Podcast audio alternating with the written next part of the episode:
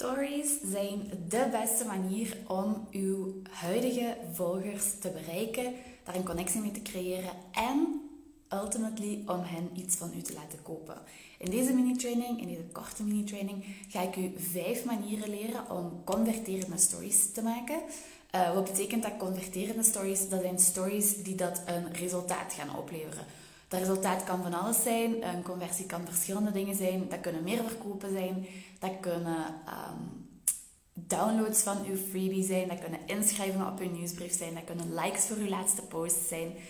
Ehm, dus van alle dingen die dat ervoor zorgen dat uw volgers, wanneer ze uw story kijken, een actie gaan ondernemen en ehm, een betere connectie gaan creëren met u of uiteindelijk iets van u gaan kopen.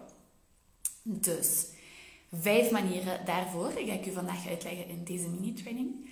De eerste manier ehm, is uiteraard, je wilt meer verkopen, dus wat gaat je moeten doen? Regelmatig vertellen wat uw aanbod is en wat je eigenlijk verkoopt, zodat uw volgers dat ook weten. Want je denkt zelf altijd dat het heel duidelijk is wat dat je verkoopt en dat mensen dat allemaal weten.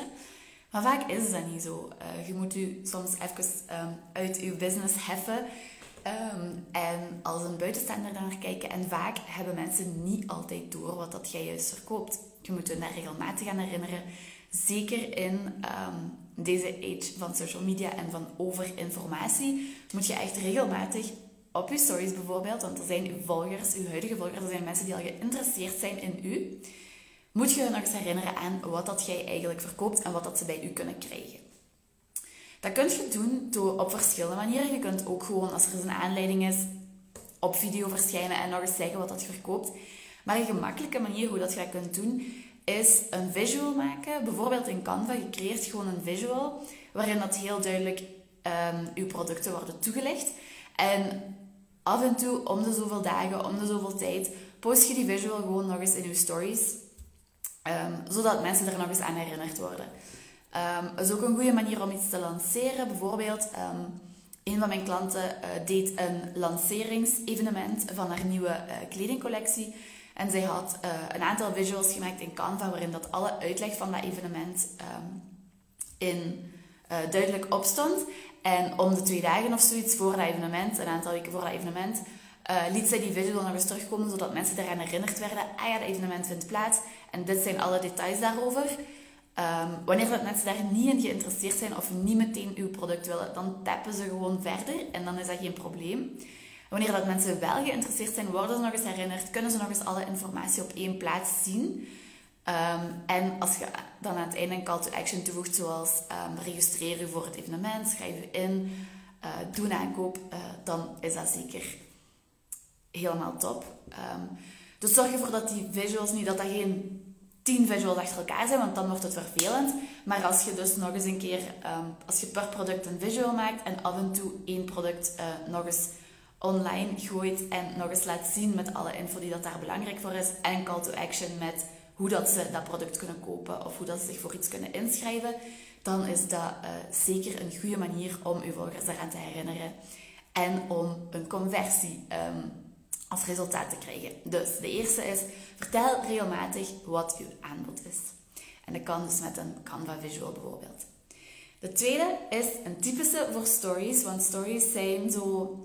Stories kunnen heel um, onge, ja, niet curated zijn, dus heel spontaan zijn. En dat is dus een blikje achter de schermen geven. En wat gaat een blikje achter de schermen doen? Dat gaat een soort van band creëren, want mensen gaan u beter leren kennen, gaan je business beter leren kennen als je hun een beetje meeneemt achter de schermen van wat dat jij doet in je business. Um, waardoor dat mensen um, ja, het gevoel gaan hebben dat ze u kennen en dat ze um, ja, een soort van band met u hebben. En dat gaat ervoor zorgen dat mensen sneller tot een aankoop gaan overgaan. Want je koopt veel liever iets van iemand die dat je kent dan van een onbekend merk dat je niet kent of niet vertrouwt. Dus een blikje achter de schermen geven is zeker ook een goed idee. Ik vind dat altijd een beetje een tricky, want um, het is moeilijk. Hoeveel deelt je nu juist uh, van achter de schermen of van je persoonlijke leven? Uh, moet je daar elke dag je ontbijt op laten zien? Dat denk ik niet, tenzij dat je uh, bijvoorbeeld een um, diëtiste bent en dat heel veel aansluiting heeft tot je business en mensen dat echt willen zien van u. Um, Dus dat is een beetje een evenwichtsoefening in hoeveel wilt jij laten zien en hoeveel is interessant voor je volgers om te laten zien. Ehm, je kunt ervoor kiezen om uh, bepaalde delen van je persoonlijke leven te laten zien. Ehm, dus ja, dat is altijd een beetje een oefening en die is ook heel persoonlijk voor jezelf. Dus daar moet je zelf over nadenken van hoeveel wil ik laten zien. En ook zeker in je achterhoofd houden, wat is er interessant voor mijn volgers om te zien. Uh, je moet ze ook niet gaan overloaden met persoonlijke dingen, want dan ben je uh, meer een influencer aan het worden dan dat je een business bent. Um, dus ja, probeer een beetje die balans te bewaren. Zie waar dat die balans voor u ligt. Uh, dus de eerste was vertellen wat uw aanbod is regelmatig. En de tweede is geef een blikje achter de schermen, zodat mensen een connectie met u creëren. Um, en daardoor sneller van u gaan willen kopen. De derde is een beetje een mix tussen de twee. Ik zeg mix um, omdat, dus de derde die ik, heb, uh, die ik hier heb, is succesverhalen of klantenverhalen. Um, meegeven. Dus uh, bijvoorbeeld als jij een cadeautjeswinkel hebt en er is iemand uh, bij u vandaag binnengekomen en die had een cadeautje nodig voor haar mama, omdat die 60 jaar wordt. En je hebt die heel goed geholpen. Dan zou je bijvoorbeeld kunnen zeggen, ah, vandaag was er bij mij iemand in de winkel en uh, die zocht een origineel cadeau voor haar moeder die 60 werd. En ik heb dat zo en zo en zo aangepakt en zo opgelost. En um, dat was een kei toffe ervaring. En als je dat op die manier vertelt, dan weten je klanten, ah, als ik echt geen idee heb um, wat dat ik moet kopen voor mijn moeder voor haar verjaardag of voor iemand voor zijn verjaardag, dan kan ik naar de winkel komen en dan gaat jij mij daarmee helpen. Um, dat is een van de dingen. Eventueel krijgen zij ook inspiratie gewoon van het uh, cadeau wat jij, van de oplossing die dat jij ge gemaakt hebt. En gaan ze daar al zelf iets aan hebben, aan die oplossing. Um, om hetzelfde cadeau te kopen bijvoorbeeld. Maar dat kan ook anders zijn. Dat kan bijvoorbeeld bij coaching ook zijn dat uh, uw coachingsklant een bepaald probleem had in uw sessie en uh, dat je dus uitlegt hoe dat jullie dat hebben opgelost en dat iemand anders die dat uw stories kijkt hetzelfde probleem ongeveer heeft en die dat door die oplossing ook zijn probleem opgelost ziet uh, of weet hoe dat hij daar beter mee kan omgaan. Dus um, dat is zeker ook een goede manier om stories in te zetten. En op het einde van dat verhaal uh, met die klant, dus je gaat mensen inspireren, je gaat mensen een blikje achter de schermen geven en ze laten zien wat dat jij doet voor hun als ze bij je klant zouden worden. Um, en dan kun je dan op het einde van het verhaal ook nog duidelijk zeggen van als jij ook bij mijn klant wordt of als je bij mij ook uh, in de winkel komt, dan ga ik je ook persoonlijk helpen en dan gaan we dat ook op die, manier aanpakken om uw uh, probleem op te lossen. Dus dat is opnieuw nog eens uw product eigenlijk een beetje uh, vertellen hoe dat het in elkaar zit en wat jij voor hun kunt betekenen. Dus dat is een beetje een mix tussen de twee. En dat is een hele uh, goede manier om dat te doen.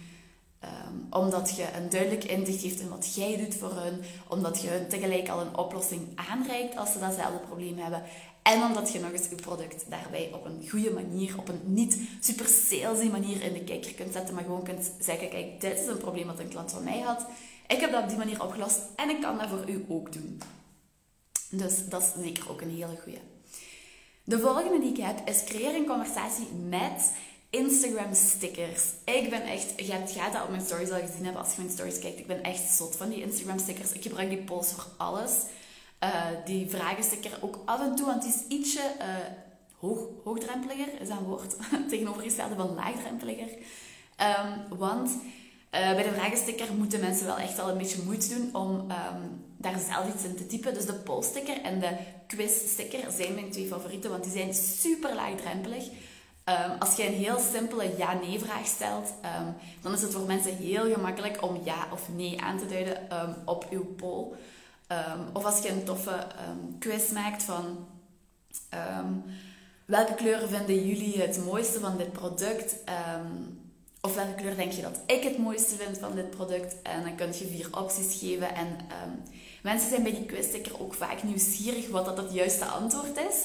Uh, want dat geeft een soort van endorfine boost als jij het juiste antwoord kunt uh, vinden. Dus um, dat is zeker ook een goede daarvoor. En dat zorgt er gewoon voor dat mensen gaan in interactie gaan met je stories. Uh, als mensen interactie doen met u, dan gaan zij ook een betere band met u creëren.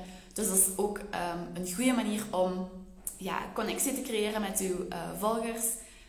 Um, ja, om af en toe hun input te vragen ook. Een hele toffe om te doen is af en toe uh, aan mensen vragen: wat vind jij hiervan? Welke kleur vind jij het mooiste? Welk product vind je dat ik moet inkopen?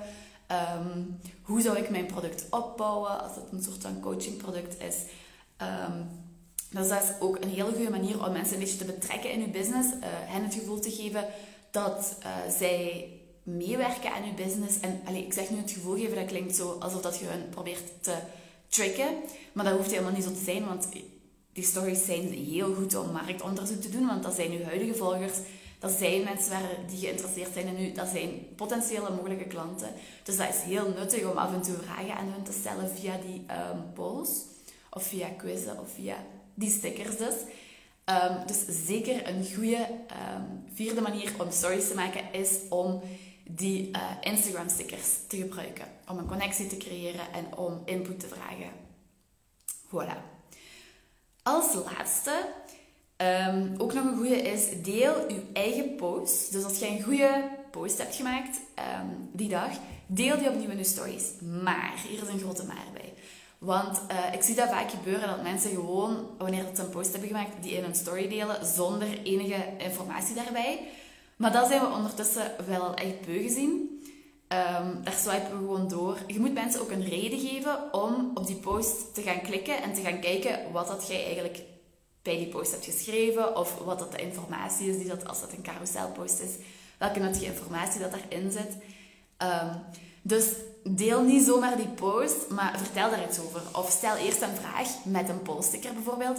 Heb jij ook dit probleem? Ja, nee. En dan in de volgende story deelt jij je uh, post die dat jij gemaakt hebt met een oplossing voor dat probleem. En zeg je, dan heb ik nu de post voor je gemaakt. Lees hier hoe dat je dit of dit probleem kunt oplossen. En dan geeft je mensen een reden om op je post te klikken um, en die post te gaan lezen. Dus zorg ervoor sowieso dat je posts altijd waarde bieden. Dat denk ik dat een hele belangrijke is. Um, maar waarde bieden kan ook iets persoonlijks zijn. Dus je kunt ook bijvoorbeeld een persoonlijke post maken die in je stories delen en zeggen uh, ik heb daarnet een persoonlijke post geschreven over dit of dit wat ik heb meegemaakt. Als je geïnteresseerd bent, kunt je hier het lange verhaal gaan lezen. Um, dus ja, deel je post in je stories, want dat is een extra manier hoe dat mensen dat kunnen zien. Want sommige mensen gaan je post niet zien en sommige mensen gaan dus alleen je stories zien. En wanneer dat zij je post dan zien verschijnen in je stories, dan kunnen zij kiezen om die ook te gaan bekijken. Uh, maar geef mensen een reden om uit die stories weg te gaan. Want ik ben stories aan het kijken en ik wil niet per se naar posts gaan kijken. Ik wil gewoon verder kunnen tappen in mijn stories. Um, dus je moet wel echt een reden geven om te klikken op die post. Um, voilà, dat waren de vijf um, converterende manieren om stories in te zetten. dus stories voor resultaat te bereiken. Uh, resultaat als in een connectie creëren, als in een verkoop maken, als in een download genereren en dergelijke. Uh, belangrijke takeaway is, als je een conversie wilt, dan moet je er meestal achter vragen. Dus um, als je wilt dat mensen vanuit je stories iets gaan doen, dan moet je ze ook echt um, vragen om dat te gaan doen. Ik ga ze nog eens één keer kort allemaal overlopen.